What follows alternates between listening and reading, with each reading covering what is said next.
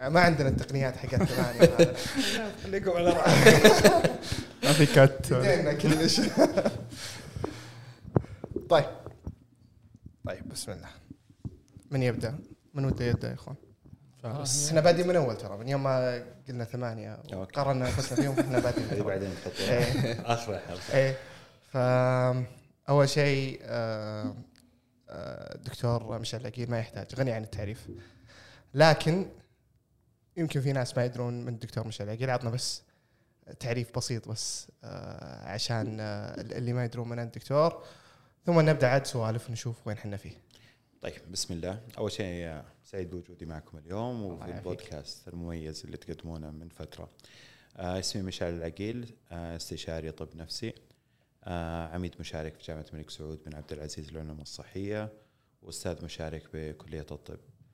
تخصصي الفرعي آه، في اضطرابات القلق والمزاج والعلاج المعرفي السلوكي. ما شاء الله تبارك الله ما شاء الله. طيب. آه للأسف إحنا خرقنا القاعدة الوحيدة. يوم درينا ان الدكتور مشعل العقيل بيجي قلنا خلينا خلينا نحضر له شوي بس. ما ما, ما سوينا أشياء كثيرة. بس حضرنا شوي أشياء بسيطة. كان الموضوع الاكثر موضوع طرح. طبعا عندنا في ال group كل واحد يرمي له شيء. أكثر موضوع طرح اللي هو ال- الهشاشة النفسية. okay. آه كيف إنها منتشرة؟ طبعا في ناس عندهم آراء حادة في ناس عندهم آراء هذا في ناس يقولون لا ما, ما في هشاشه نفسية بالعكس هذا بندخل في وجهات نظر كثيرة يعني. وش رأيك دكتور أنت بموضوع الهشاشة النفسية هذه؟ طيب صراحة هو موضوع شائك وخصوصا الفترة هذه. يعني الفترة هذه نلاحظ إنه في تركيز كبير على الجوانب النفسية. جوانب النفسية لدى موظفين جوانب نفسية لدى أطفال جوانب نفسية لدى ناس تعرضوا لضغوطات في حياتهم.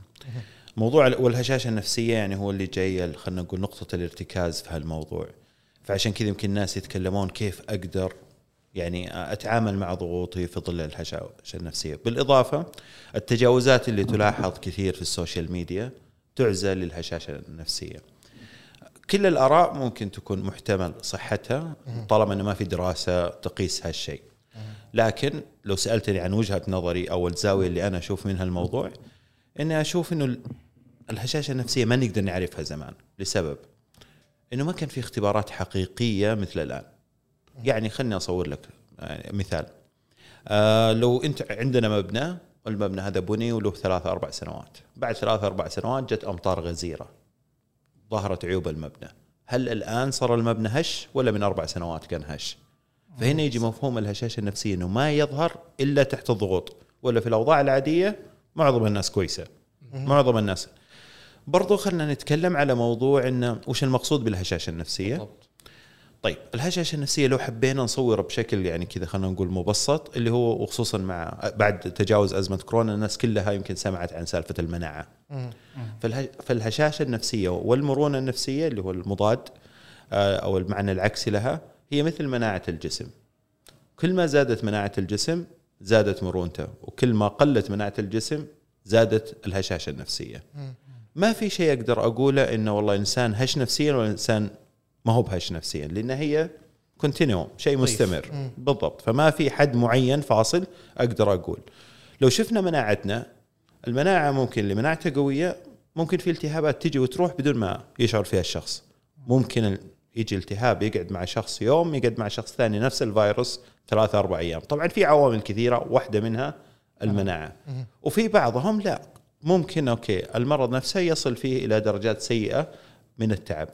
فبالتالي هشاشتنا النفسية هي اللي كيف نقدر نتعامل فيها مع الضغوط أكثر ما أنه في الوضع العادي أقدر أحكم الشخص قوي أو هش. طيب جميل. دكتور أعتقد ممكن هل يلعب دور إنه في الفترة الحالية من الزمن صار الموضوع ال- المشكلة النفسية أو المرض النفسي أكثر قبولا في المجتمع وأكثر تفهما؟ هل هذا لعب إنه آه، ناس أكثر صاروا يتكلمون عن هذا الموضوع أو صاروا يظهرون بهذا الم... بهذه خلينا نقول الصفة آه، وصار بدنا إحنا نحس إنه والله عدد زاد يعني ممكن يكون عدد ثابت لكن أصبح المجتمع أكثر تقبل للمشاكل النفسية مثل الاكتئاب والقلق وغيرها وقد يكون من ضمنها شيء من الهشاشة النفسية ان صحت العبارة، هل هذا يلعب دور إنه آه، عدد الناس بدأ بدأ الآن يظهرون أكثر أو يزيدون أكثر ولا هم أصلا نفسهم عدد ثابت ولكن تقبل المجتمع أظهرهم إلى السطح؟ طيب ممتاز. آه خلينا نقول أساسا ك- كنسب وإحصائيات لا في تزايد على مستوى العالم وإحنا جزء من هذا العالم. آه، ففي تزايد في الموضوع. الشيء الثاني إنه الإنسان عدو ما يجهل فبالتالي تلقى الناس ودها تعرف وش السبب. ليش قاعدة تصير هذه الأشياء؟ ودها تبحث عن تفسير. واحدة من التفسيرات اللي ممكن تبنتها بعض الآراء الهشاشة النفسية. وقد يكون وقد يكون صحيح يعني إحنا لحد الآن ما عندنا مثلا رؤية واضحة إنه هل هو هشاشة نفسية أو لا. فالنقطة الثانية ما ننكر ابدا وجود الضغوط الحالية مقارنة بسنوات سابقة من عدة نواحي سواء اقتصادية، ظروف اجتماعية، أشياء كثيرة. الترابط الاجتماعي مثلا حاليا ما أعتقد إنه هو مثل الترابط الاجتماعي السابق ونعرف أن الدعم الاجتماعي واحدة من الأشياء الأساسية اللي تدعم الصحة النفسية الجيدة بالإضافة إلى أشياء كثيرة. فكتزايد أوكي في تزايد. كتفهم للناس وحديثة عن الهشاشة هي تبحث عن تفسير وش اللي قاعد يصير. لأن إن الواحد يلقى تفسير لأي شيء يريحه حتى لو كان المشكلة ما يقدر يسوي تجاهها شيء. فمعرفة السبب إلى حد ما تعطي درجة من الاطمئنان. هل هذا كان سبب في تزايد الهشاشه النفسيه إن الناس صارت تبحث عن سبب. ليش أنا زعلان؟ من أول كان ليش أنا زعلان؟ أوكي ضايق صدري خلنا بطلع ولا بسوي أي شيء. الحين صار طب خلينا نبحث في الموضوع ليش أنا زعلان؟ ليش هذا؟ هل هو اكتئاب؟ هل هو هذا؟ فصار عنده خيارات أكبر يقدر يعرف نفسه فيها. عكس مثلا الأمراض الجسدية تقدر تق- تروح عندك تحاليل وعندك هذا لكن من الناحية النفسية ما عندك ال ال ال أو الشخص ما عنده الخيار إنه يروح يتأكد 100% قطعا إذا كان مو مختص. لكن إذا دخل جوجل ولا اي ولا ويكي هاو ولا أي شيء وقال والله قد تكون عندك اكتئاب ولا قد يكون عندك ثنائي قطب ولا قد يكون ولا قد يكون قد يكون. هل هذا يخليه عرضة أكبر لل- للمشاكل هذه؟ المنزلق هذا نفس الأمراض يعني. هو شوف الهشاشة النفسية خلينا نقول وش المشكلة؟ أو هل هي اضطراب نفسي؟ لأن يعني يوم بد... قريت شوي عن الموضوع لقيت إنه في ناس كثيره مصنفين إنه اضطراب نفسي. هي ما هي باضطراب نفسي. هو شيء ممكن يكون سبب وسبب حقيقي للاضطرابات النفسية، الناس اللي ممكن يكون عندها اضطرابات عدم تأقلم، الناس اللي ممكن يكون عندها درجة من درجات اضطرابات القلق أو اضطرابات الاكتئاب فهو موجود. بحثا عن الأسباب أو بحث الشخص اللي يعاني عن السبب هو يعني مشابه للنقطة اللي ذكرناها قبل شوي إنه وده يعرف أنا ليش فيني كذا. على أساس في بعض الأحيان أو في فترة من الفترات كان الكثير لما يبحثون كانوا يحطونها على أي سالفة العين والحسد آه،. والسحر فبالتالي كذا عرفت إنه فيني عين على الأقل طمنت شوي. أوكي مع إنه شيء ما زالت المعاناة ما زالت الشيء حاليا طلع في جانب بعد ما يعني استوضحت الصورة إنه كثير من الحالات ما كان لها علاقة بالعين والحسد والسحر فبالتالي بدأ يبحث عن سبب ثاني اللي هو الهشاشة النفسية. ترى الواحد لما يعرف إنه عنده هشاشة نفسية ترى شيء مؤلم ما أعتقد إنه مريح. لأنه. كأنه يحس إنه ضعيف أو لا. لكن برضو وصمة الهشاشة النفسية مشكلة.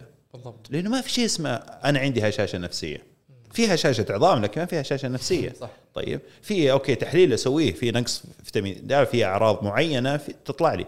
بس الهشاشة النفسية قد أكون قوي أو عندي مرونة نفسية في جوانب وهش نفسيا في جانب معين بسبب لأسباب كثير عدم وجود خب سابق خبرة عدم وجود تنشئة على الجانب. هذا عشان كذا نلاحظ مثلا قد واحد تكون عنده مرونة عالية بدراسته.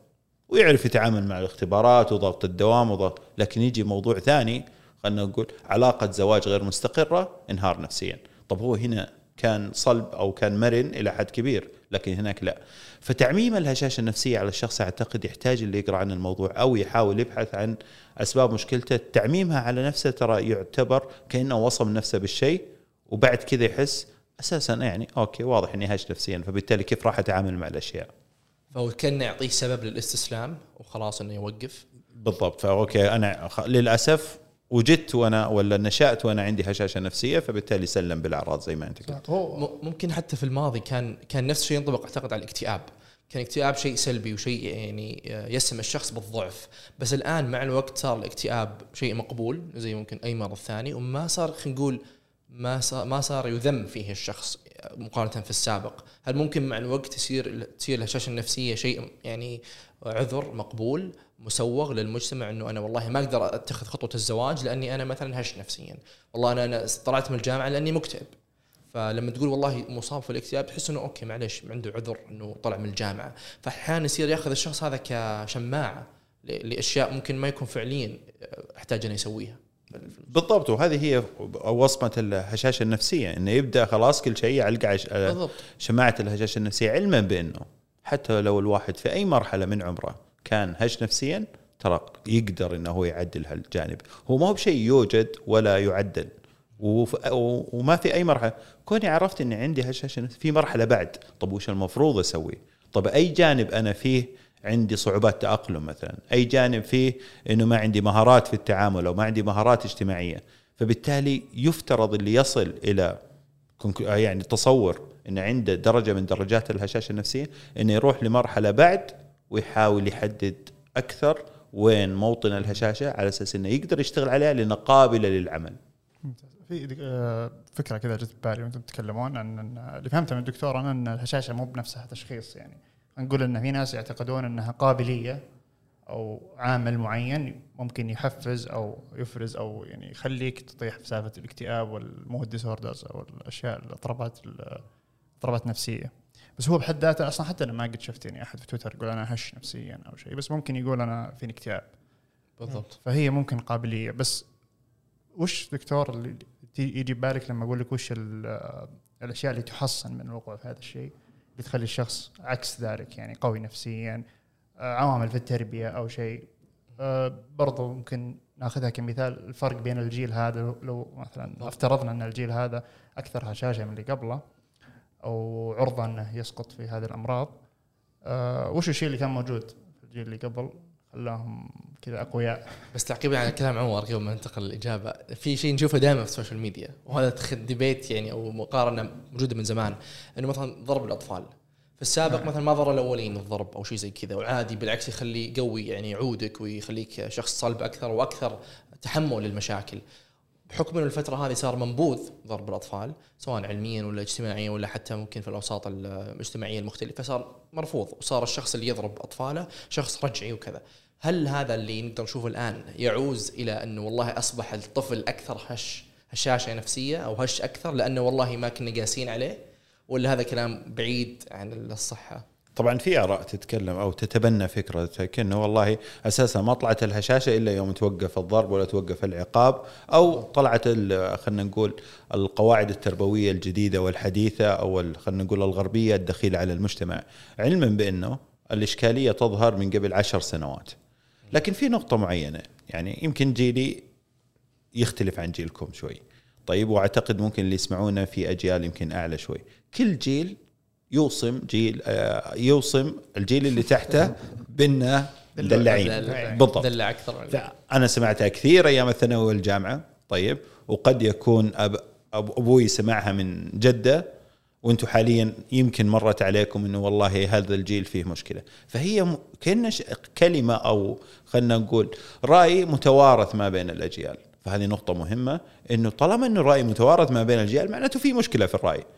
وش المشكلة اللي في الرأي؟ إنه الشخص اللي قاعد يشوف الجيل اللي تحته قاعد يشوفه من معاييره وهنا في. مشكلة كبيرة.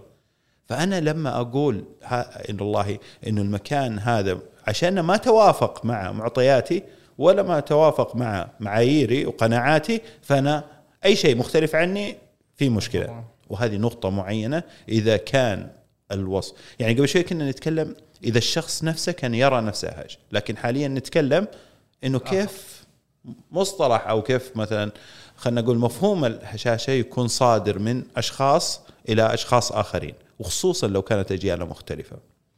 فهذه نقطة بالنسبة لسؤالك وهو سؤال صراحة واسع جدا إنه كيف نتحول من آه، أو كيف يعني ما نو الشخص ما يوصل بأبنائه إذا كبروا للهشاشة النفسية أو إذا كان في عوامل خلينا نقول تمنع أو تخم أو تخفف من الموضوع. قبل لا نتكلم هالموضوع لأنه إذا انفتح بيكون طويل جزء من موضوع اللي إحنا ممكن نشوفه كهشاشة نفسية إنه صارت الأسوار أقصر الأبواب مفتوحة النوافذ مشرعة. فالناس صاروا يشوفون اللي يصير. أول ما كان فيها شيء. كان الواحد يشوف عيب أولاده بالكثير العائلة تشوف مشكلة الشخص الفلاني أو انهيار الشخص الفلاني. وبعدين يصير في تكتم ويعدي الموضوع. وما نعرف والله فلان ليه ترك الجامعة ولا فلان ليه مثلا غاب عن الاجتماعات مدة ولا حتى إذا كانت في آراء شاطحة يمين يسار يظل يقولها في المحيط اللي هو فيه. حاليا اتسع الموضوع وصار الواحد. فبالتالي لما أبدأ أشوف ناس شاطحة بارائها يمين ويسار وشاطحة بسلوكياتها يمين ويسار فترى مو شرط إنه يكون زادوا ترى لو لو هذه الأشياء كانت موجودة قبل 20 سنة ما ندري كنا نشوف أشياء أسوأ أو أقل. هذه واحدة. ثانية كل ما زادت القواعد القوانين الاجتماعية المفروضة تحد الشخص من أن تظهر عيوبه. بمعنى إنه حاليا العالم أكثر انفتاح سواء يعني خلينا نقول من ناحية السفر من ناحية القيادة من ناحية أشياء كثيرة. ما أقدر أقول والله الجيل هذا هش نفسيا. لا يمكن أوكي كان موجود لكن من يوم ما انشالت القيود ظهرت. يعني مثلا لو واحد عنده انحرافات سلوكية ومسجون ما حنقدر نقول والله الشخص هذا عنده انحرافات سلوكية. لكن أول ما يطلع من السجن اللي هو فيه بيصير عنده انحراف. طب هل هو الآن صار هش نفسيا لا. ولا كان من قبل؟ فهذه كلها أشياء تخلينا تقول إنه هل فعلا الهشاشه النفسية حاليا موجودة ولا من قبل كانت أسوأ بس بحكم أشياء كثيرة كانت مغلقة فبالتالي بدأت تظهر وإحنا نعرف أي تغيير أي تغيير. تصاحبه أشياء كثير إيجابية وقد تصاحبه بعض الأشياء السلبية. فبالتالي ظهور هذا الجانب يعطينا جرس إنذار وهذا الشيء ممكن اللي ممكن الواحد يستفيد فيه لما يطرح موضوع مثل هذه. طيب الآن بغض النظر إحنا أكثر هشاشه أنتم أكثر هشاشه اللي قبلنا وش المفروض نسوي الحين؟ فمع المتغيرات اللي موجودة ومع التحديات اللي موجودة وش المفروض تسوي؟ وهذا بالضبط اللي كان سؤالك.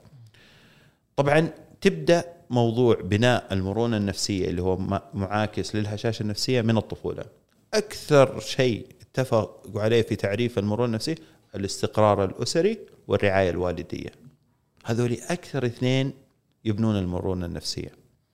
إذا تأثروا هذول بشكل كبير في مراحل الطفولة يكون الشخص عرضة أكبر إنه يكون عنده إشكاليات. أحد يقول لي طب أعرف فلان؟ والله نشأ في وضع زي كذا لكن شوفه ما شاء الله. ناجح دراسيا ترى النجاح في الوظيفه لا يعني صلابة نفسية أو مرونة نفسية أو هشاشه نفسية. يظل في أشياء خلف الكواليس. في أشياء داخلية يشعر فيها في سلوكيات مع الأشخاص اللي حوله. فبالتالي الشهادة دائما ما يعني لما يطرح موضوع الضرب اللي ذكرته سلمان قبل شوي لما يطرح موضوع الضرب يقول لك والله شوف فلان ضربوا وكل كل عيالهم طلعوا مبدعين في الوظيفة. فالإبداع الوظيفي لا يعني الراحة النفسية. فهذه هذه واحدة من الأشياء المهمة. الموضوع الثاني اللي هو موضوع مهارات التأقلم كيف يفترض في الطفولة نمشي على المثال الشائع والشهير لا لا لا تعطيني سمك علمني شلون أصيده. فلا تعطيني الحلول الجاهزة كط- كطفل في مرحلة. okay حاول إنك تستثير تفكيري تستثير اختياراتي تخليني أختار حتى لو غلط طالما إنه غلط هذا ما يضرني. طيب يعني مثلا هذا المثال اللي أضربه أحيانا آه، في المحاضرات والعيادة لو طفل راح سوبر ماركت وقرر ان نشتري عصير عن الثاني والاثنين ما فيهم ضرر لكن الأب يشوف إنه هذا العصير ألذ. فيقول له لا خذ هذا.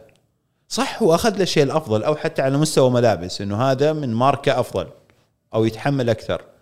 الفرق إنه لو أخذ أي نوع من اللبس ما راح يضره. لكن حلو إنه هو اختار وبعدين اكتشف الخلل والعيب طالما إنه ما فيها مضرة. فهذا واحد من الأشياء أنا ما ودي أسترسل لأنه في أشياء كثير بس خلني أسمع كمان أنتم آرائكم. وش تجاربكم عن الموضوع؟ الهشاشة. أنا أنا برجع لشيء قبل شوي. ترى أنا لاحظت وأنا أتكلم كذا كانه في تذكرت شيء. فتذكرت شيء اعطينا في لمبة كذا ولا أنت قبل شوي قلت يوم سلمان جاب طاري الضرب قلت في آراء كثيرة وفي هذا. أنا برأيك أنت طيب دكتور وش رأيك أنت في الموضوع؟ من ناحية ال- ال خلنا ما أدري هل تسمى مصاعب أو أو أو تحديات كانت توضع على الطفل من من قبل عشان تحت مسمى إنها تمرجله أو إنها تخليه أقوى أو إنها تخليه اقسى هل هذه فعلا آم، لها تأثير مباشر أو غير مباشر؟ شوف مفهوم التصرفات الرجولية في بعض المجتمعات يحتاج إعادة تعريف. طيب لأنه أساسا هو شيء متغير. آه، موضوع الضرب أوكي درجات. كلها اشوفها في الخانة الخاطئة لكن يظل في ضرب من الكبائر في ضرب يعتبر أوكي هذا وفي ضرب. تمام بالضبط أسوأهم الضرب قدام الآخرين. يعني تعتبر قاتلة من جميع النواحي. الضرب للاخرين قدام الآخرين مثلا قدام أعمامه قدام خوله الضرب أو حتى التلفظ. هذا يعتبر انتقام وليس وليس تعديل. يعتبر عقاب انتقامي لأنك عصبتني أكثر من التعديل لأنه ما في ما في مجال للتعديل. ما ما في يعني المنفعه قتلت شخصيته بشكل كبير. طب شلون يطلع للناس؟ شلون يشوف شعوره بالخزي أمام الناس؟ كبرياء يعني. عشان كذا نلاحظ ويمكن حتى اللي يسمعونا بعض الأحيان بعض الأطفال إذا انضربوا أول شيء يسوونه إيش؟ يلتفت حوله. مم. مؤلمة الالتفاته هذه. أكثر من ألم الضرب نفسه. أكثر من ألم الضرب. مؤلمة. شاف ولا ما حد شاف. بالضبط. وأحيانا ألاحظها في سوبر ماركت أم تعنف طفلة حتى لو تعنيف بسيط جرت يد مصعد إذن طيب شدت شعر أول شيء يسويها الطفل يلتفت حوله. كأنها حركة تلقائية كاننا إحنا مبرمجين من الولادة إنه شعور الخزي من ناحية إني أنا أكون في مكان أشعر فيه أنا كطفل إنه مكان مهين.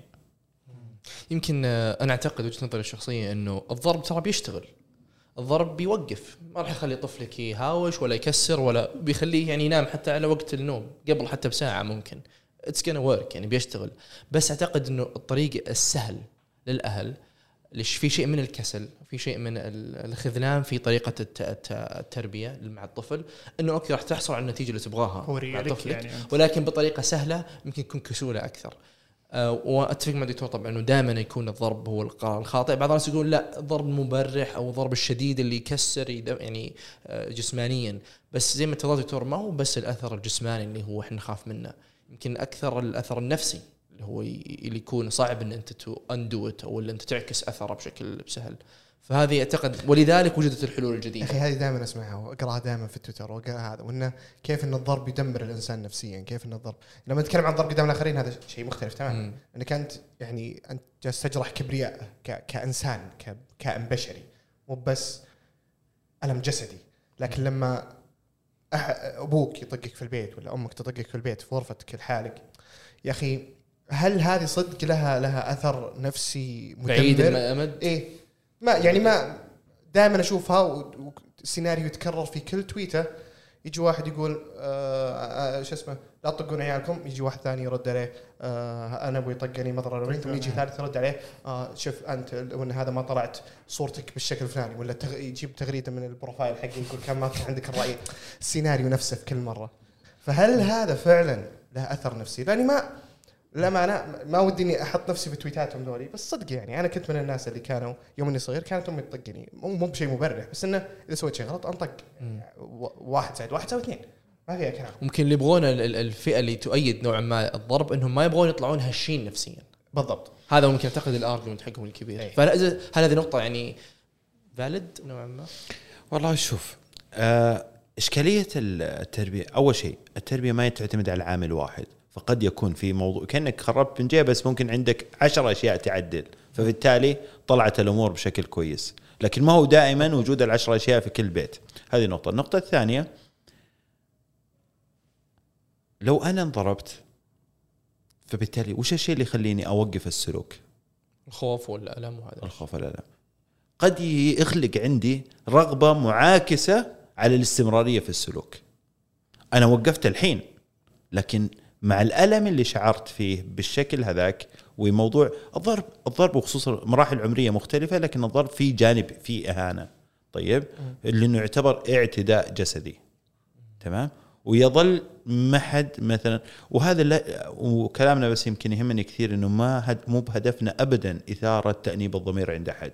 ولا أحد يكون يضرب أولاده فولده طلع بشكل معين يقول والله أنا اللي كنت أسوي. ترى ما هو بشرط. عامل واحد ما هو سبب كافي إنه إذا كان الضرب مثلا في حدود معينة. لكن هو سلوك هو إذا كنا نتكلم إلى الضرب يعت- يعتبر من سلوكيات من أساليب تعديل السلوك يظل من أساليب تعديل السلوك السلبية الثانية. نفس السبب للضرب هو اللي قاله سلمان قبل شوي اللي هو الرغبة في سرعة التغيير. الضرب من أكثر الأشياء الفعالة في سرعة التغيير. لكن الأشياء اللي تحتاج نفس طويل في الت- التربية يحتاج نفس طويل. نفس طويل عشان أعدل، نفس طويل عشان أشعر. فبالتالي هنا يجي موضوع موضوع إنه okay كيف الناس اللي تعرضوا إلى الضرب في طفولتهم هل هم أكثر عرضة للإصابة إلى الاكتئاب أو شيء؟ أعتقد إنها صارت دراسات عليها وكان في link أو في وص- وصل لكن عندنا في مجتمعنا ما أعتقد إنه أو ما مر علي شيء له علاقة بشكل أو بآخر. في في في مصطلح دائما يجي ببالي أول ما ينطرح أول ما احد يقول لي هشاشة نفسية أو شيء يجي موضوع اللي هو الحماية المفرطة. على طول يجي ببالي ما أدري ليش. وفي مقولة ترجمت. أظنها لابن خلدون بس ما أعرف إذا هي دقيقة لابن خلدون ولا لا اللي هي يقول لك الأوقات الصعبة تصنع رجال أقوياء. والرجال الاقوياء يصنعون أوقات رخاء واوقات الرخاء تصنع رجال ضعفاء والرجال الضعفاء يصنعون أوقات صعبة. الرجال ضعفاء. مفرغة يعني. أي فأربع جمل. فيقول لك دائما إحنا في أي مرحلة الآن يعني. أتوقع في ناس كثيرة ممكن تقول الرجال الضعفاء يصنعون أوقات صعبة. هذا يمكن يكون من الآن وصاعدا يعني 50 سنة قادمة. ما أعرف إذا هذا يمكن قياسه على شكل مجتمعي كامل بس يمكن ممكن قياسه أتوقع على العوائل المفرده يعني لو لو تأملها. دائما أنا أحب أتفلسف كذا بيني وبين إخواني أقول لهم دائما الأبو اللي حريص مرة يجي ولده مهمل. يجوا شو؟ يجي ولده فيه إهمال شوي. مهمل إيه، عكس ال- حريص على عياله. الأبو الحار. لا في أعمال البيت في أعمال العائلة ما أدري. دائما أحس الأبو الحار اللي يخلص أشغاله بسرعة ما يوكل مهام لولده لأنه حار مرة. عرفت؟ ما يقدر يوصل للستاندردز حقت ولده فهمت؟ ف خلاص يقول ما أقدر اصير زيه فهمت؟ نشيط. لهذه الدرجة. فما أعرف إذا هذا شيء دقيق لا ولا لا بس لأن ترى النظريه أو المقولة هذه تتناسب مع حكاية انه كل جيل يقول الجيل اللي بعدي مدلع. إيه. فهل هذه لأن صدق يعني أنت لو تنظر لها ما أعتقد ان إن كلامهم خطأ لكنه يبنيه على معاييره الخاصة اللي كانت أقسى. ليش ليش مدلع؟ لأنك أنت كنت ت- تضطر إنك من يوم وأنت صغير تطلع تجيب أكل لأن ما كان في فلوس كثير فشيء طبيعي لما تجي تشوف ولد آه، عمره 15 جالس في البيت اللي إحنا نشوف إنه عادي جدا لكن عمره 15 جالس في البيت مو جالس يشتغل تقول وش الدلع؟ هذاك أول لكن إحنا الحين نجي نفس نفس. الحكاية اي فهل هذه أصلا أو آه، السلسلة هذه السلسلة هذه تمشي مع حكاية الرجال الأقوياء يصنعون أوقات ما- رخاء أوقات رخاء تصنع رجال الضعفاء. ما بس أنا ما- ما قاسية. ما أتصور يعني لما تجي تناقشني بشكل عام ما أتصور إن أوقات آه، الوفرة والرخاء الشديد ممكن يطلع لك شخص ضعيف آه، قوي جدا إيه،. صعبة تكون ما هي منطقيه ما مهمة هي يعني. مناعة حكايه مناعة يعني كل ما انضربت أكثر كل ما كنت أقوى كل ما آم، كل ما مو بنضربت فعلا. إيه، كنت بعدلك كنت لا، بعدلك كل ما انضربت ال- تعرضت لي تعرضت لل- لتحديات إيه هل هذا يعني الحين إن الناس اللي اللي كانوا في المدرسة يتعرضون لل- للتنمر أو لل- للأشياء هذه؟ وكان فيه سرعة التدخل. هذه ترى موضوع حساس بالنسبة لي. سرعة تدخل الأهل في مو- في التنمر. هل في فرق بين ال overprotection اللي من يوم ما يبدأ أنا ما ودي أنقز الأشياء كثيرة خلينا خلينا نوقف في في بس فورمولا معينة سؤال اتذكر معين. لازم نمشي عليها. إن ال stressors دكتور الحين ما أدري أنا مقتنع إن ال stressors ال- ال- القليلة المستمرة أفضل من ال stressors القوية المتقطعة يعني اللي تجي بين وقت ووقت لكنها تكسر الشخص. فكيف أنا كيف أنا مثلا أنا شخص مربي مثلا كيف أوفر stressors صحية؟ خلينا نقول أنا voluntarily أو بإرادتي أحطها في حياة الطفل أو في حياتي أنا شخصيا ممكن. إني أحط نفسي في تحديات كذا تجعلني صلب نفسيا. طيب شوف صراحة أنت قلت أشياء كثير كان أنا كنت أحتاج أكتب note طيب لكن خليني أبدأ بآخر نقطة ذكرتها. ما يحتاج إني أخلق stressors لأنه الحياة مليانة stressors مجرد من تقول له ترى أنت اللي مسؤول عن شراء الخضار؟ هذا stress بالنسبة له. صح طيب فبالتالي هو له stress ما- ال stress ما هو دائما يعني مشكلة. ال stress معناه أحيانا مهمة معينة. الواجبات عندنا الدراسية stressors فهي مهمه الاختبارات stressors فبالتالي إنه أنا ما أحتاج إني أخلق له فبالتالي الفرق إني أعطيه مهام. موضوع إنه الرخاء والرفاهية كلها مصطلحات كل واحد يقدر يعرفها ويحط تحتها الشيء اللي هو يشوفه. فبالتالي هنا تيجي المشكلة لما نتناقش في مصطلحات مفتوحة. يظل إنه كل واحد ممكن يحط هالشيء يحطه من ناحية الرخاء أحد يحطه من ناحية لا اللي هو خلينا نقول الدلالة الزايد قلت نقطة جدا مهمة أول نقطة وهذه اللي ملاحظة اللي هي عكس الشدة الحماية أو جا أو شا- وجه ثاني للشدة اللي هي الحماية المفرطة. كثير من الآباء أو الأمهات مع الوضع الراهن صار وش حلوله؟ يقفل على ولده. قفلت عليه أنا حميته من مخدرات حميته من الشارع حميته من أشياء ممكن الواحد شفتها في البيت الفلاني شفتها عند ولد فلان ردة فعلي لا ابن حلال أنا أجيب لهم كل شيء في البيت. وقفل. للأسف هذه آثارها تظهر بشكل كبير السيئة. التربية محتاجة مخاطرة درجة من درجات المخاطرة. إني أنا أخليه يطلع وأنا أدري إنه في نسبة خطر أو ريسك. ما أقدر أضمن 100% إنه يطلع ويرجع لي بدون أفكار يتبناها لكن دوري أنا في البيت إني أكون قريب من أطفالي فبالتالي لو لاحظت سلوكيات معينة أشتغل على تعديلها لكن مست... الحماية المفرطة عن طريق المنع للأسف آثارها قد تكون أسوأ حتى من موضوع الضرب لأنه في الأخير بيكون exactly إنه هش نفسيا لأنه ما يقدر يتعامل مع المجتمع اللي موجود نشوف الناس بعض. بعض الأشخاص اللي عندهم مهارات اجتماعية ضعيفة كان هذا واحد من أسبابها. بعضهم اللي عنده ال social IQ اللي هو التعامل في المواقف خلينا نقول شوي. بذكاء أو بدرجة من الذكاء نلقى برضو عندهم مشكلة. فهذه الحماية المفرطة. برضو ذكرت نقطة قبل شوي ثانية تتعلق الأب الحريص إحنا نسميه حريص. آه، أو إن- نسميه حريص كمجتمع. إحنا نشوفه من زاوية العيادة قد يكون قلق. الإنسان القلق ما فيه يصبر لحد ما ولده يقوم ويلبس ثوبه ويروح. فتلقاه يقول له بعد خمس دقائق هو سوى الشغلة الأب. فبالتالي أنا تعودت كابن إني أنا لو تلكعت الأشياء تنحل. أكبر بالمنتاليتي هذه. سوف الأمور تيجي بخير.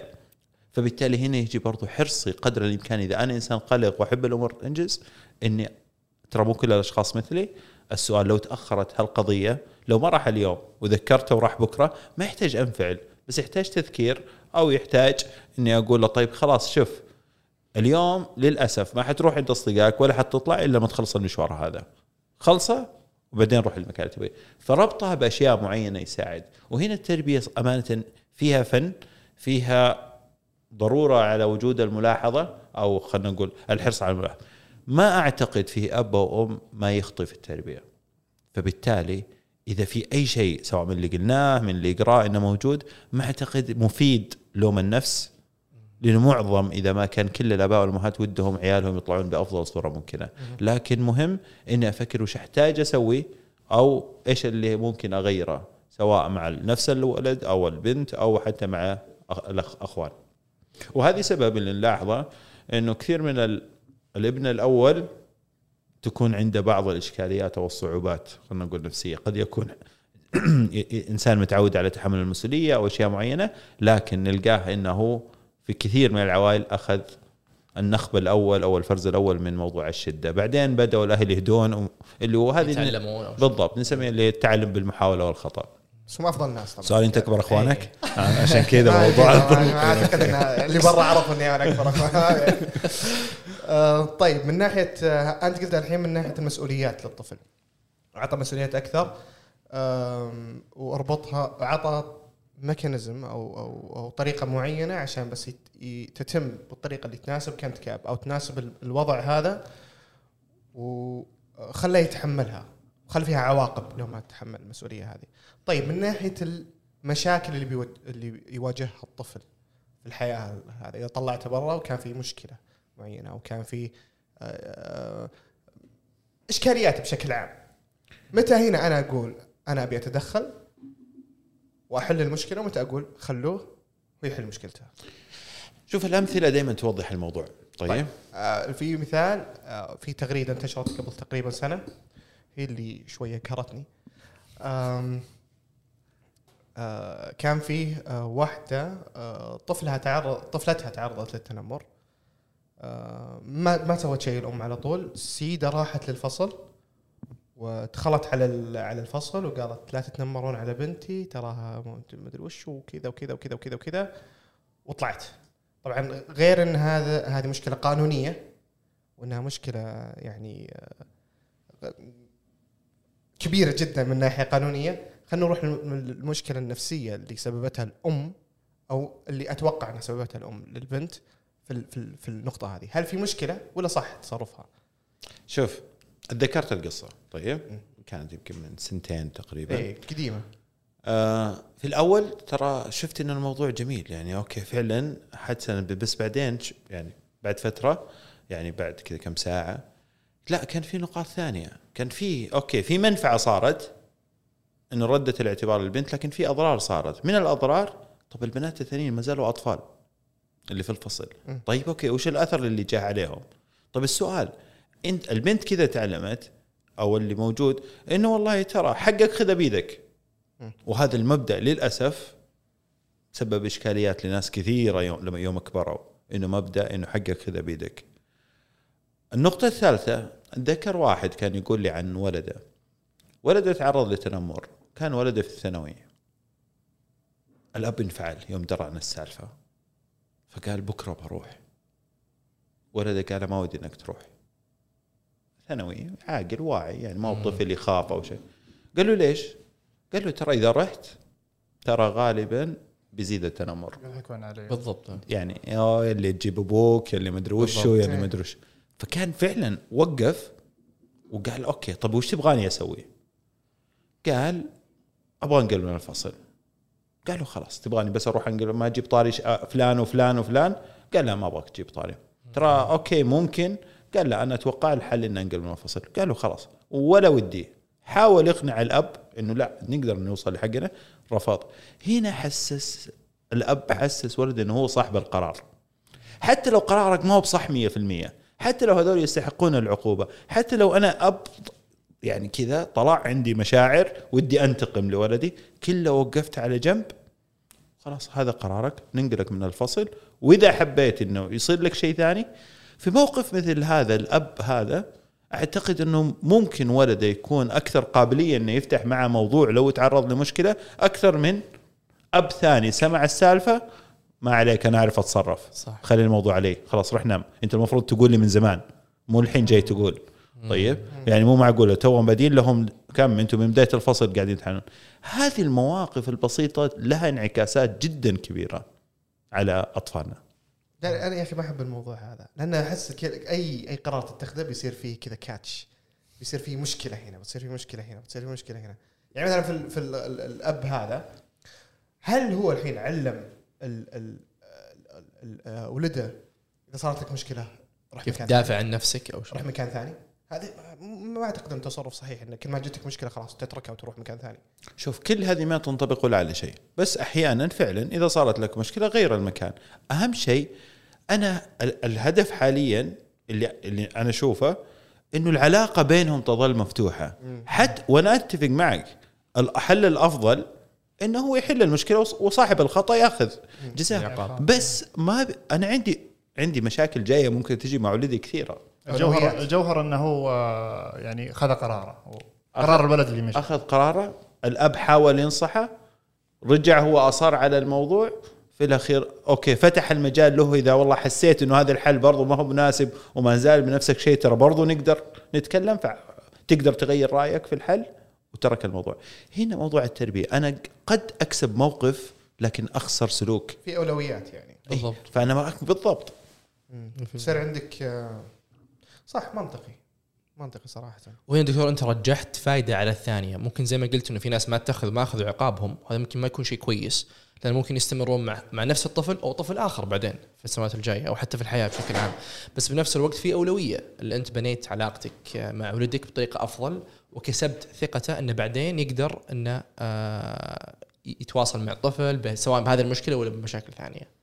فهنا أولويات المسألة. هذه واحدة وش النقطة الثانية؟ قد يكون الأب ممكن يفكر فيها برضو بطريقة ثانية عشان يأخذ الحل أكثر ويرسل إيميل للمدرسة بشكل أو بشخصية مو مجهولة. ترى في المدرسة عندكم في المكان الفلاني في حالات تنمر. فبالتالي عشان يراعي حتى موضوع الأطفال الثانيين بحيث إنه والله أنا فعلا كنت عند وعدي وما جيت تكلمت في موضوعك اللي يتعلق بالتنمر لكن أنا وصلت رسالة للمدرسة إنه عندهم مشكلة في الفصل الفلاني. يحفظ يعني الاوتونومي أو مو يعني خصوصية الولد يحفظها يعني إنه هو حل موضوع. تحتاج والله دكتور التربية مسألة يعني اعتقد ما هي سهلة تحدي كبير يحتاج إلى صبر كثير وحكمة. عشان كذا ممكن الطفل الأول في العائلة هو اللي يطيح براسه ال- المشاكل. التجارب. فالتجارب ممكن على الطفل الأول آه، وهنا يجي إنه ما هو بغلط إنه الأب يغير رأيه ولا هو بغلط ان الأم تعتذر لبنتها إذا اخطت الرأي في المرة الأولى.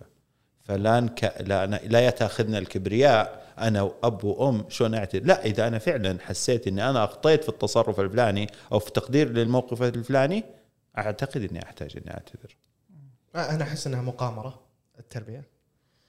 شوف هي؟ هي يا رب يا رب تضبط معي. تتطلب وعي منك أصلا. آه. ما أعتقد لأنك قاعد تتكلم على مستقبل بني آدم وبشر. اي بس أنا أقول انت يعني تت- تتخذ قرارات تقول يا رب إن هذا القرار الصحيح وهنا وهنا. بالضبط يجي موضوع التأهيل إنه مسألة إنه يكون عندنا أطفال مسؤولية. ما هي مسألة والله ودي إنه يكون عندي سبع أطفال. ولا ستة إيه. أطفال ولا كأني أنا شاري سيارة جديدة وقاعد بستمتع فيها. الأطفال لا. إذا ما كانت عندي القدرة على تنشئة وتربيه وإذا ما أعطيت نفسي مجال إني أنا اتثقف وأتوعى أعتقد أحتاج أجل القرار. اللي يخوف في الموضوع انه في عصرنا الحالي هذا ممكن في ناس عندهم رخاء مادي معين.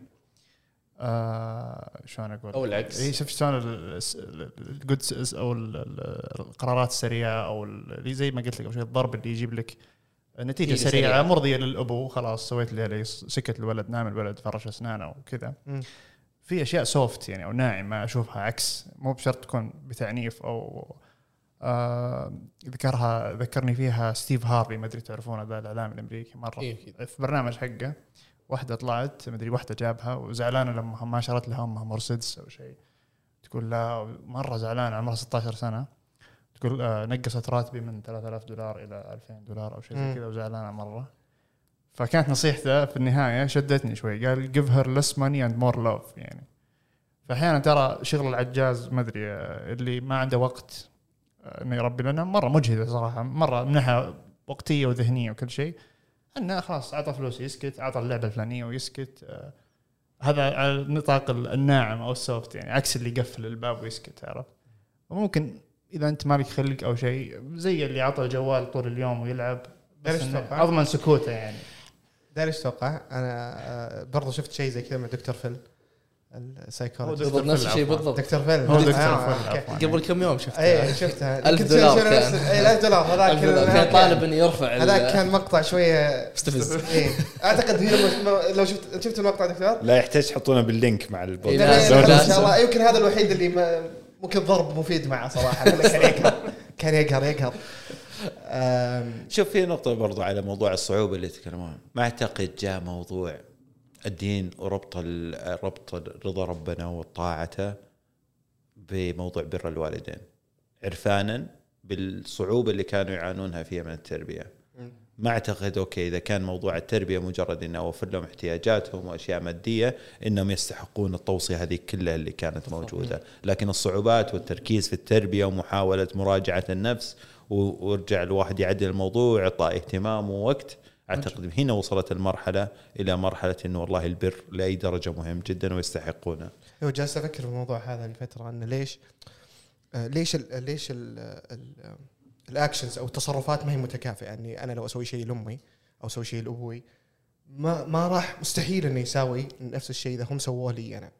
لو جابوا لي أكل أحسن بمراحل من لما أنا أجيبهم أكل. مم. قاعد أفكر ليش دينيا الموضوع هذا كان فيه تفارق واضح. بعدين بعد فترة طويلة اكتشفت إنه في مقولة عندنا اسمها راعي الأولى.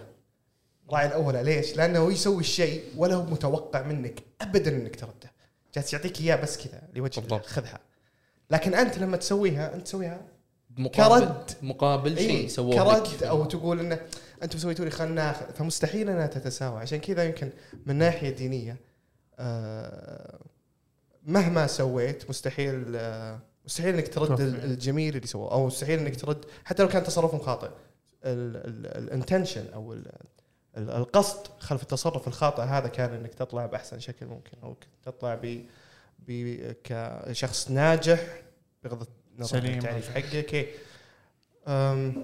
أنا تذكرت يا. كلام عمر صراحة. كلام عمر مهم. إنه بعض الأحيان إحنا نحس إنه إحنا بالعمد لازم نحط تحديات للطفل. اكتفلي نحط تحديات بحيث يطلع شخص قوي وشخص حكيم. بس ما أعتقد إنه هذا ممكن هذا يكون أكثر شيء صحيح ممكن نسويه لأن أصلا حتى لو أعتقد الفارق إنه نعطي الطفل زي ما تفضل دكتور القرار في آه، اتخاذ الأشياء المختلفة القدرة على اتخاذ القرار. لأن ترى في كثير من القرارات ما هي مجانية ترى. مم. ممكن يسوي يختار شيء خطأ ويكون فيه آه، تبعات سلبية. مثلا ممكن يجرب آه، يشبك فيش مثلا السوني في 220 ولا 210 ويخرب السوني. في نتيجة في ضرر ممكن يتحمل الطفل. هذا اعتقد يخلق شيء من المسؤولية في الطفل إنه يفكر أكثر من مرة وش القرار الصح وش القرار الخطأ.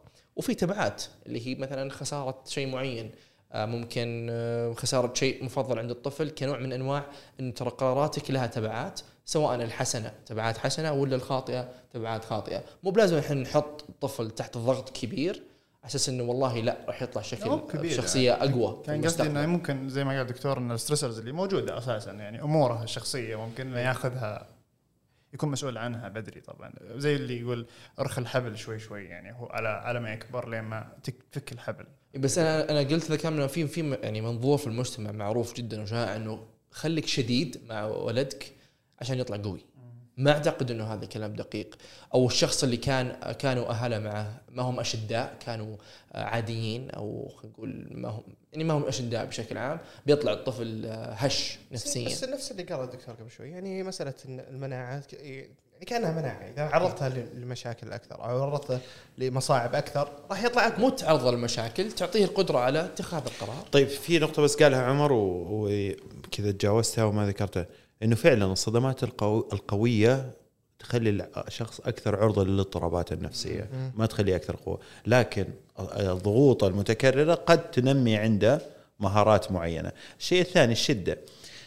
مرة ثانية المصطلح يعني يظل المفاهيم هذه ممكن أحد يحط هذه شدة وحلاء لكن يمكن أقولها ب أو مسمى أدق اللي هو الحزم. التربية يحتاج حزم. مثلا المثال اللي ذكرته موضوع ال PlayStation وحرقه بعض الآباء يضربه طب هل- هو حطه وهو متعني؟ لا طب أنت قاعد تعاقبه ليش؟ على شيء خطأ فيه طب السؤال هل أنا مثلا مميز الأفياش عن بعض؟ طيب ولا بس في. ولا بس في رقم صغير مكتوب طيب هل okay هل مثلا فعلا هو والله ما كان مركز ومستعجل طب okay الخطأ صار أحيانا بعض التربية اللي الناس تسميها تربية وبعض يسميها تربية هي انتقام انتقام إنك أغضبتني ما هو تعديل. فالفرق عشان كذا أنا شو س... okay الآن أنت حرقته كم تصليحة؟ المبلغ الفلاني. كم عيديتك؟ طيب والله والله المبلغ الفلاني. طيب خلاص أنا بدفع النص وأنت تدفع النص. بالضبط هذه المسؤولية. تمام؟ أو عيديتك الجاية. طقني. أه، هنا بالضبط. ولا تحلم ما فيها استفدنا ولا شيء. طقني صراحة. أنت حرمت من شريط لأن الحين لأن آه، برضه شيء ثاني يعني تخطر في بالي. يعني آه، okay يعني الأطفال كذا ك- كائنات جميلة ولطيفة بس تراها إلى الآن فيها نزعة اختبار الحدود. فما هي مو بكل الأطفال يسوي شيء بالغلط. لا ممكن بعض الأحيان تلقى "أمم، بتسوي لي شيء إذا سويت الشيء اللي قلت لي لا تسويه؟ ممتاز. تسوي لي شيء ذا هذا؟ okay هنا أسوي upgrade للعقاب. إيه. ومعنى كذا خلاص. okay مو انحرق ال PlayStation للاسف حنقعد أسبوع عشان نصلحها. مم. ففي في مع كل تصرف يعني معليش اللي يسوي سلوك أول واحد يعني يوقف في السجن أسبوع لو سواه نفسه مرة ثانية ما حيكون أسبوع حيكون أعلى. فبالتالي كل ما صار وأهم شيء الهدوء. ما يحتاج صراخ. سوي له كل تبغاه عاقب. الصراخ فيه جانب خلينا نقول تعدي غير موضوعي يعني إذا قلنا العقوبات أحد مثلا حكم عليه بسجن سنة والتشهير هذه عقوبة ثانية. طيب؟ نفس الشيء العقاب. العقاب هذا شيء والصراخ عقوبة إضافية. الصراخ برضو في أخو في الأخوان اللي ممكن يتأثر. قد يصاحب الصراخ بعض الألفاظ. ما تفهم غبي المتعلمك يعني ما أعتقد قليل اللي يصرخون بدون ما يعني خلينا نقول. يطعمون صراخهم صح. ببعض, الكلمات. ولا وش فائده الصراخ يعني؟ صح. فهذه الكلمات أساسا توصل. أكيد. وهذا هذه يمكن أثرها حتى زي الضرب أو يمكن أكثر في بعض الأحيان. شيء ملموس ما هو بس كلام يقال وخلاص يتبخر. حتى لو على سبيل الم- المزح. ترى على فكرة إحنا نتكلم على أطفال نتكلم على مراحل عمرية متعددة. كل واحدة ممكن فيها جوانب معينة. ممكن أحد يسمعني يقول أوه بسوي طفلي مع كذا ما في أمل. ترى يظل إنه ممكن مع مرحلة عمرية وفعلا الشيء اللي نقوله حاليا ما هو ما يناسب مرحلة عمرية ثانية. لأنه يظل نموهم المعرفي سريع جدا فبالتالي كل مرحلة ممكن يحتاج الواحد يسوي لنفسه update في التربية أو في درجة العقوبة. ولها لها يعني مختصين ومراجع. أكيد يعني أذكر كلام واحد مرة ضحكني يقول الرضيع الحين أول ما يجي آه، يقول عدم اكله مسؤوليتك أنت يعني. أنت ما يعني في في if he cries it's your fault يا الأم ولا الأب إيه. اللي اللي يهتم فيه. فأنت حرفيا لازم تهتم فيه بنسبة 100% مم. والنسبة هذه تقل مع مع. تقدم السن يعني. يعني بالضبط مثل ما قلت عمر وبرضو يعني نضيف و- ونرجع دائما الأمثلة شوي توضح لأنه يظل الواحد يتكلم لكن اللي يسمع ممكن يبني الكلام على شيء ثاني. برضو أتذكر عاد هذا لا قريب إنه قال ولدي جاء جاب الشهادة ولد الظاهر متوسط مدري ثانوي وفيها الفصول الثلاثة. الفصل الأول كان جايب الظاهر 91 أو 92 والفصل الأخير جاب فيه 98 جاي زعلان وهو مستلم الشهادة. طب درجته كويسة. يقول ليش حطوها في شهادة؟ خرب شكلها. فلو حطوا لي خلاص أنا نجحت في الفصل هذا خلاص هذا زع- هذاك حزنت عليه وعاقبوني عليه أعطوني شهادة. ليش أعطوا لي إياه؟ فكان يعني قال لي والله ما عرفت وش أرد عليه يعني. هل فعلا المفروض الوزارة ما تحط هذا ويحطوا لهم الفصل الثاني؟ الأخير بغض النظر. الفكرة كانت إنه أوكي مو مشكلة وش يحطون. الإشكالية أنا وش أشوف. أنا أدري إنك خلاص هذه معلومة انتهينا فمو المفروض أرجعها لك. عشان كذا بعض المواقف قد تكون يعني خلينا نقول مهم مهم فرصة لزرع مبدأ تربوي ولزرع سلوك تربوي. فالتربية تكون عن طريق المواقف والفرص اللي تصير خلال الأحداث اليومية. أكثر من إنها نصيحة أتذكر أحد كان يقول في واحدة في العائلة عندهم تقريبا شبه يومي تجمع أطفالها وتعطيهم حصة توجيهية. فبالتالي كل يوم ممكن يتكلمون عن مبدأ معين. الفرق ما أعتقد إنه هذا كان مناسب. أحيانا الأطفال كثير يتعلمون من الأحداث اليومية اللي تصير. إذا أنت تقول له لا تصارخ على إخوانك وأنت في البيت قاعد تصارخ. على صعبه شوي إنه هو ما يصارخ. لأنه أوكي شاف انه السلوك هذا هو اللي قاعد يصير. مرة ثانية إحنا مننا مثاليين ولما نقول هالكلام ما نطالب بمثالية ولا نطالب بهذا لكن نحاول نقلل نسبة الخطأ في حياتنا. صح. هي فرص يعني ما هو بتعال يلا خلينا نبدأ تربية. بالضبط. بالضبط، ما هي محاضرة بنهايه اليوم. أعتقد الشيء اللي يجي مع الموقف يرسخ أكثر وينفع أكثر وما ينسى بسهولة. لأنه مربوط بشيء. حتى إحنا كطلاب يمكن طلاب أي شيء يجي مع مثلا موقف معين شيء معين دكتور معين مر عليك ما راح تنساه غير انك قاعد تقراه كأنه نص أو. لما يصير مضاعفات لمريض معين خلاص المضاعفات هذه رسخت في بالك. بالضبط بالضبط صحيح. 100% هذا الشيء اللي. هذا الشيء يخوفني في التربية ويحسسني إنها مسؤولية عظيمة إنك آه لا تصلح عرفت اللي يقول لك لا تصلح بيوت الناس وبيتك يعني خربان أو يعني أنت أصلا لا لازم باب النجار تكون... مخلوع. أنت لازم تكون سوي أصلا. لا خلينا نسوي لك علاج نفسي قبل ما نطلع آه. إذا كنت تبغى تكون perfect وما تخطئ اي بتكون مسؤولية عظيمة جدا جدا. لكن الفرق أهم شيء أكون واعي لأخطائي أو مت خلينا نقول مراجع أو محاسب لنفسي لأنه ما أعتقد في أي أحد بيتزوج وبيكون عنده أطفال ما راح يخطئ. لكن مسؤوليتي إني أثقف. نفسي أراجع نفسي أعدل لو لقيت فيه مشكلة. جيب لك أول واحد طقطق عليه كذا. بعدين عاد نشوف نكمل حلو. المثال حق ولدك هو صح؟ ولا ولد بشكل عام؟ أيوه ولد بشكل عام. ولد بشكل اي ف ليش أشوف إن الفرصة هذه ممتازة؟ لأن ال- الولد عرف إن في شيء سيء يصير في الحياة. مو بالحياة مو كلها وردية، صحيح. في أشياء سيئة تصير في الحياة وما تقدر تسوي لها شيء، تعامل معها. مسؤوليتك إنك أنت كذا تجلس وتحاول تتقبلها وتقول شلون إني أمنعها مثلا مستقبلا انها تصير مرة ثانية أو إني وشلون أتقبلها وأتعايش معاها ايا كان ال- ال- ال- القرار.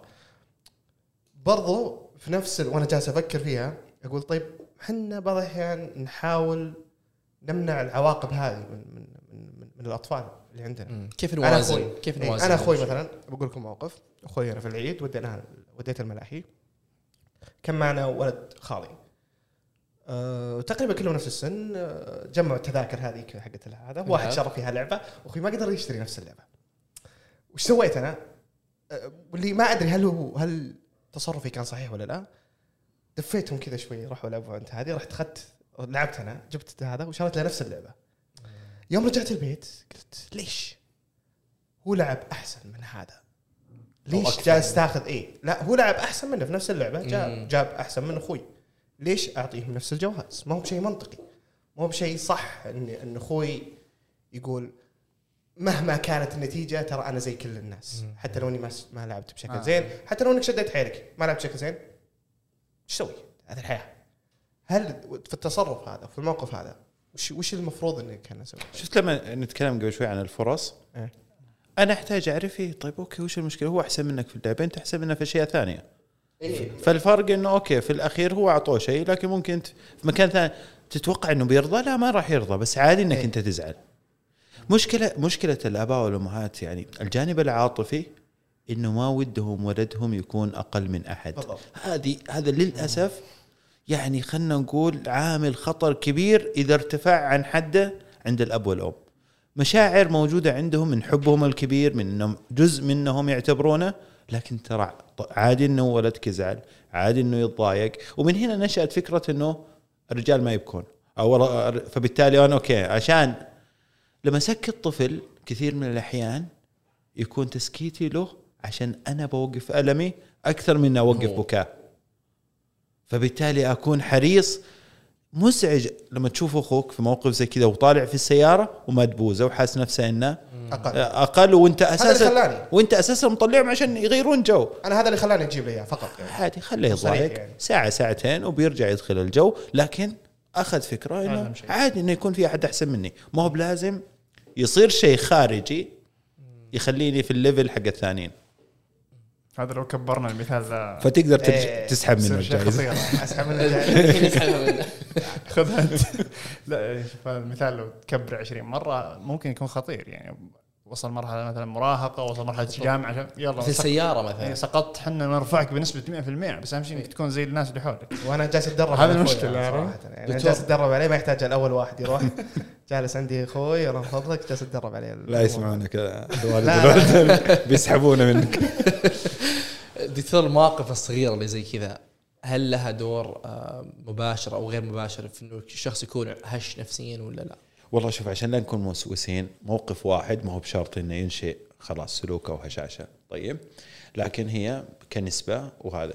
الأكيد إن المواقف هذه لها دور. إذا تكلمنا عن المواقف تنظيم المشاعر لها دور في المرونة النفسية وعكس الهشاشة النفسية. كيف تنظيم المشاعر؟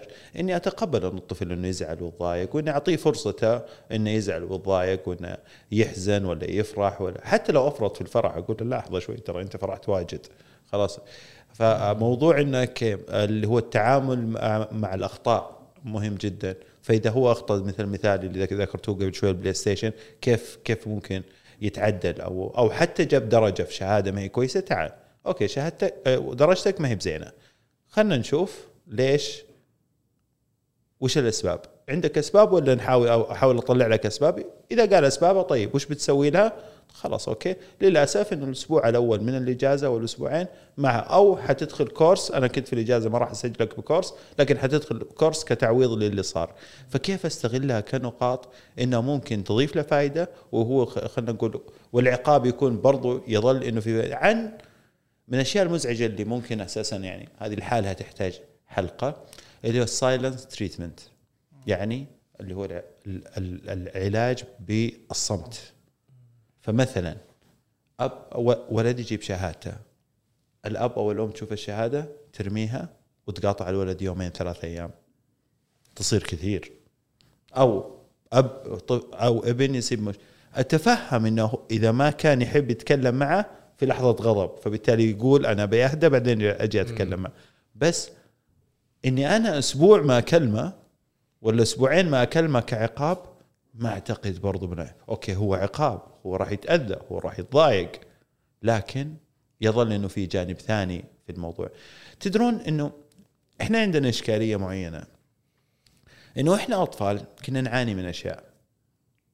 لما كبرنا ما ما حاولنا نتذكر الأشياء اللي عانينا منها. عشان ما تكررها مع.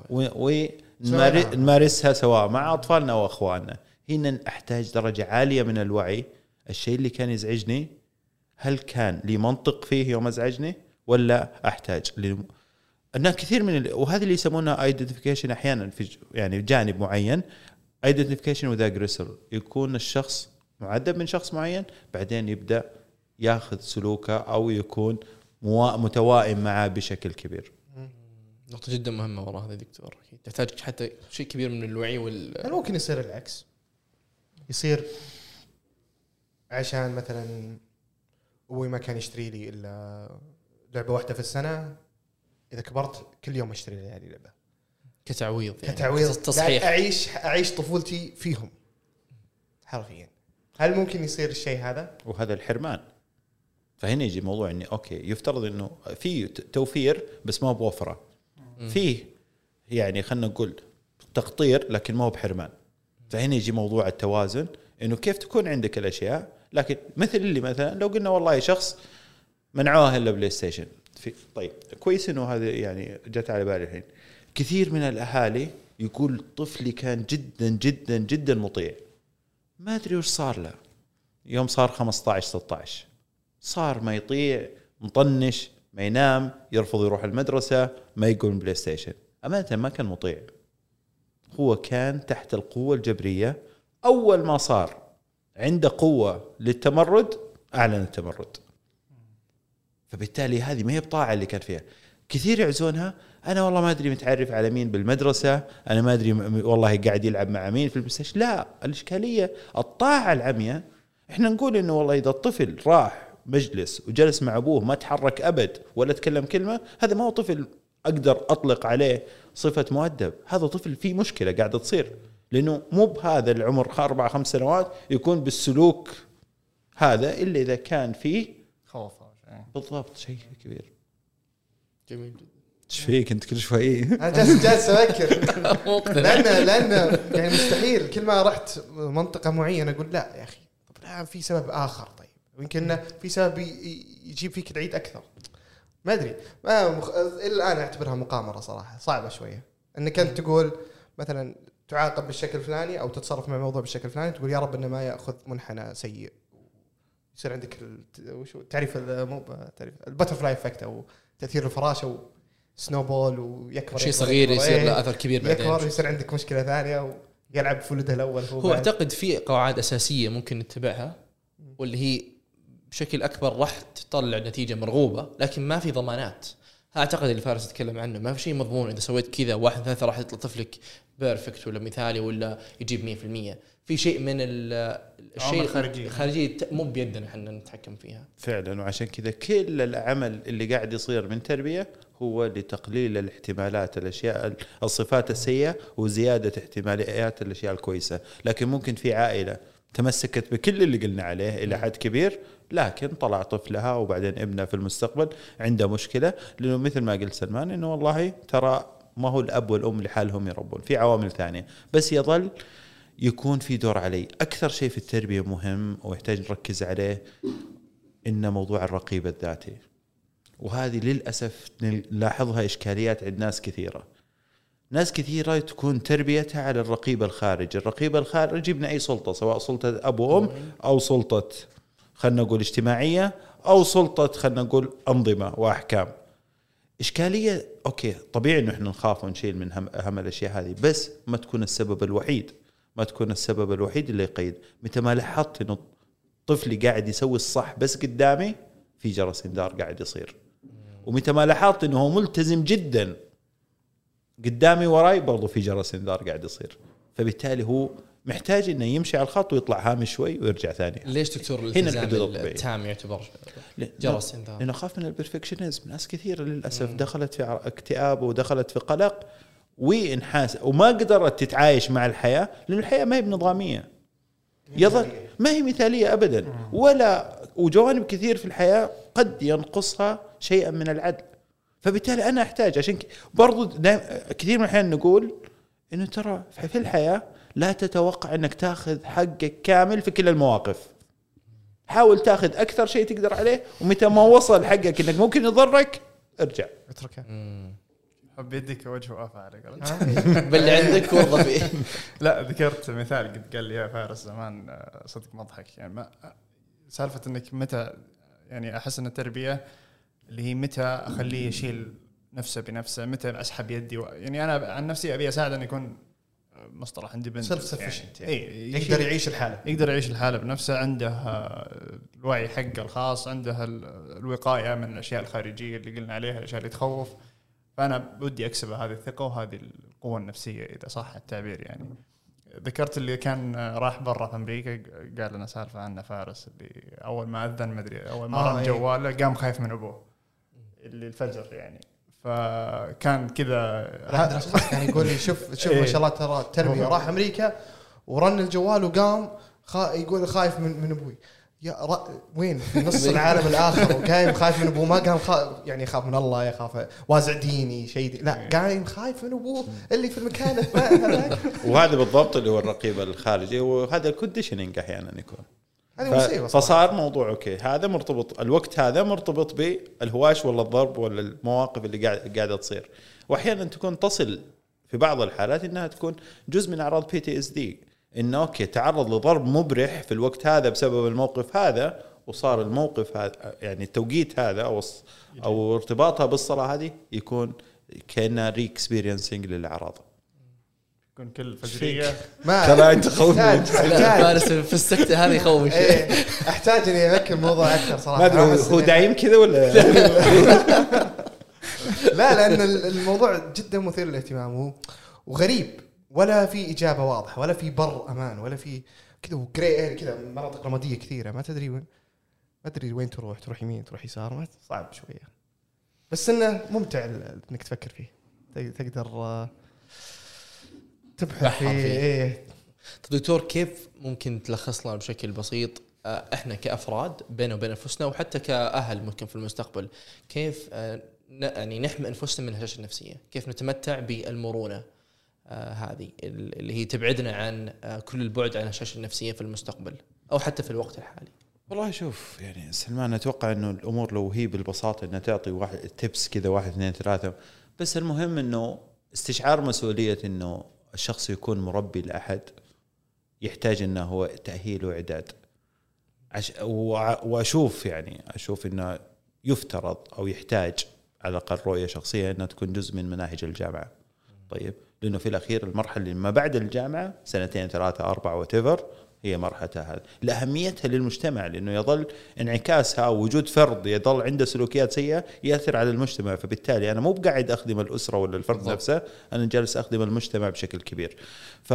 فبالتالي إذا ما كانت كجزء منهجي فيفترض انه الشخص يوجدها في حياته كجزء لا منهجي ويعطيها جزء من اهتم...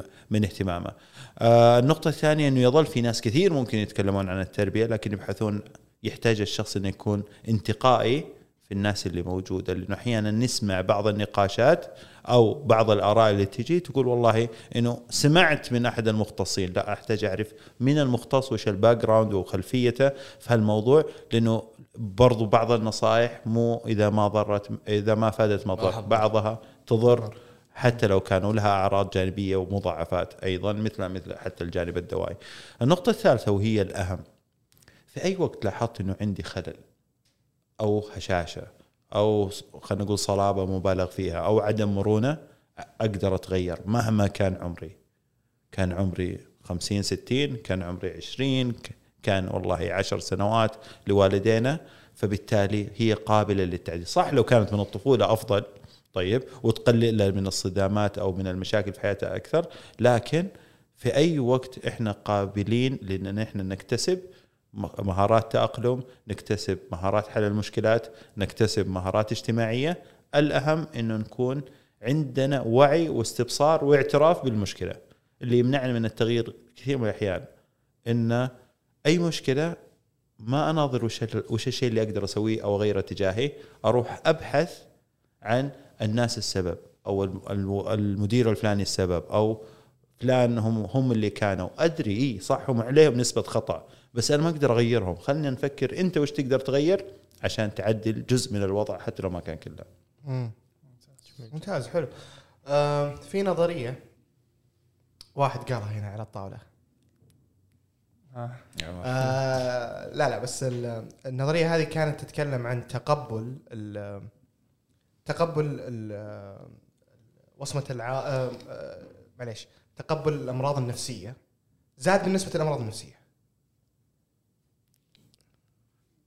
في وجهة نظر من الموضوع هذا. كيف متى قلت هذه؟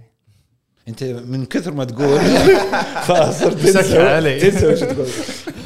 لا لأن آه، ممكن ما قلتها بالطريقة هذه لكن أنا فهمتها أن من كثر ما انه متقبل أن يكون عندك مرض نفسي أو متقبل أن يكون عندك مشكلة نفسية لدرجة أنها صارت الحين قوة صارت شيء يحتفى به. أن أنا صار في ثريدات تكتب أنا عندي اكتئاب. وكنت أسوي وكنت أفعل وكنت هذا و... okay ممتاز. جاء الجانب الإيجابي فيها إنك تشجع الناس اللي صدق عندهم اكتئاب إنهم يطلبون العلاج. أي للمساعده لكن بنفس الوقت you're romanticizing الشيء هذا. تخليه رومانسي أكثر تخليه شيء جذاب تخليه شيء مناسب. وصرت أشوفه بشكل مو طبيعي. هل هذا وأعتقد اعتقادي أنا أن هذا هو السبب أو أحد. الأسباب أحد أسباب ارتفاع الهشاشة النفسية. إنه صار كل شيء آه، مطبع. إي كل شيء لازم لازم يناسبني 100% إذا ما يناسبني لازم أتكلم عنه. ما في شيء اسمه الحياة مو بعادلة. خلاص وش أسوي؟ لا إذا ما عجبني شيء بقول ترى ما عجبني الشيء هذا وبكتب في تويتر إني أن الشيء هذا ما عجبني وإني أنا كافحت الشيء هذا وسووا لي ريتويتات سووا لي quote tweets وهكذا وهكذا وتجي ويجي واحد عشان ويجي واحد يسوي نفس الحكاية ويكرر الموضوع. هل هذه أحد الأسباب اللي زادت من الهشاشه النفسية؟ ولا ما لها علاقة بكلامي فاضي؟ طيب شوف أنت تتكلم في جانب غاثني ومزعج ويضايق بشكل كبير. ما له علاقة بالهشاشه النفسية له علاقة بشيء ثاني. دائما أي فئة تكسب تعاطف تكسب دعم تكسب retweet. تكسب like تلقى في ناس دخيلة. للأسف الناس الدخيلة هذه تسيء لل... لل... للي فعلا يحتاجون. هذول يحتاجون الدعم يحتاجون ال- ال- الصمود وال... خلينا نقول والمعاناة اللي عاشوها والدعم يستحقون ال retweet بسبب أفعالهم اللي كانت جيدة في التعامل.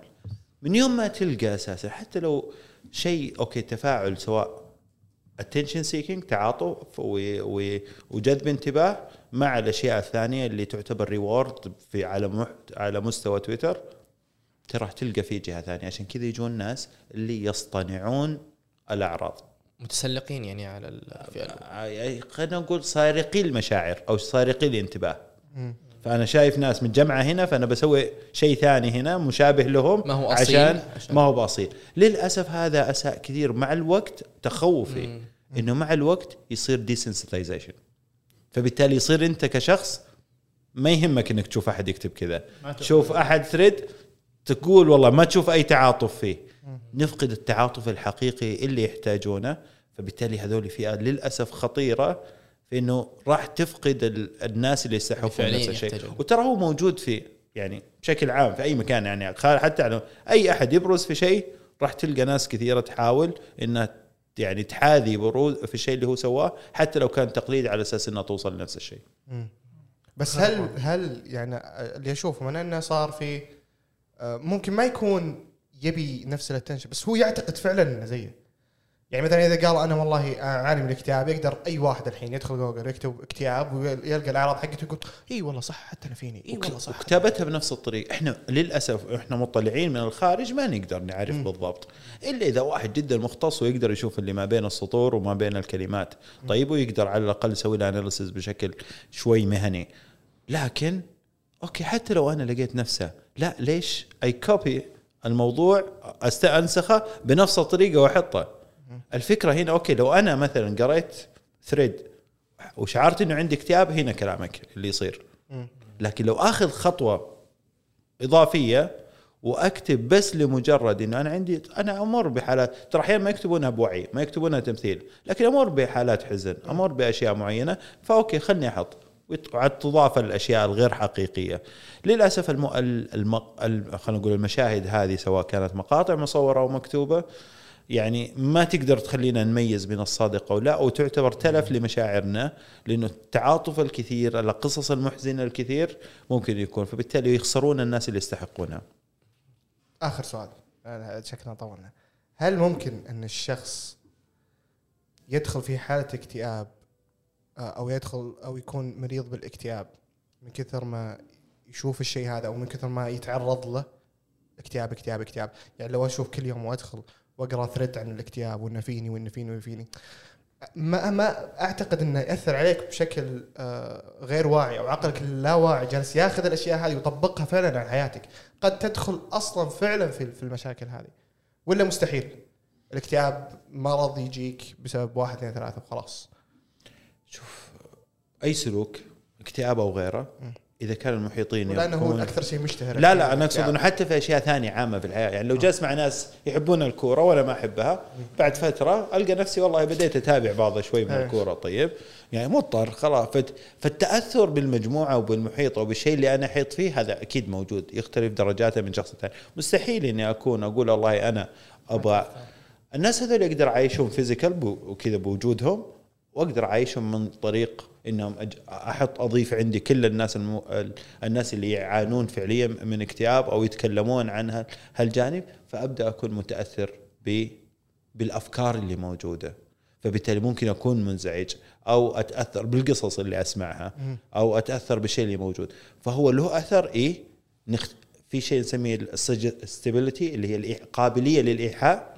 فبالتالي وهذه تختلف من شخص للثاني. فإذا كانت قابليتي للإيحاء والتأثر كبيرة فبالتالي هنا يكون اثر كبير حلو إن الواحد يكون واعي شوي بنفسه. متى ما لاحظ إنه الشيء قاعد ينعكس عليه أو لحظة شوي أحتاج إني أنا أغير. ما هو بغلط ابدا والله. إذا مشعل العقيل كان يكتب كثير عن حالات تجيب ال- الكآبة فإني الله أسوي له حذف ولا mute ولا block شوي وبعدين أرجع له لما أكون أقدر. بالعكس كذا قاعد أحافظ. بس في نقطة معينة أي شيء في إفراط بيكون سلبي. لو منعت إني أسمع أي قصة هنا يصير خطأ. فالفكرة هي توازن شوي. عشان كذا قلت إنه مؤقت عشان ما أخسر فلوس.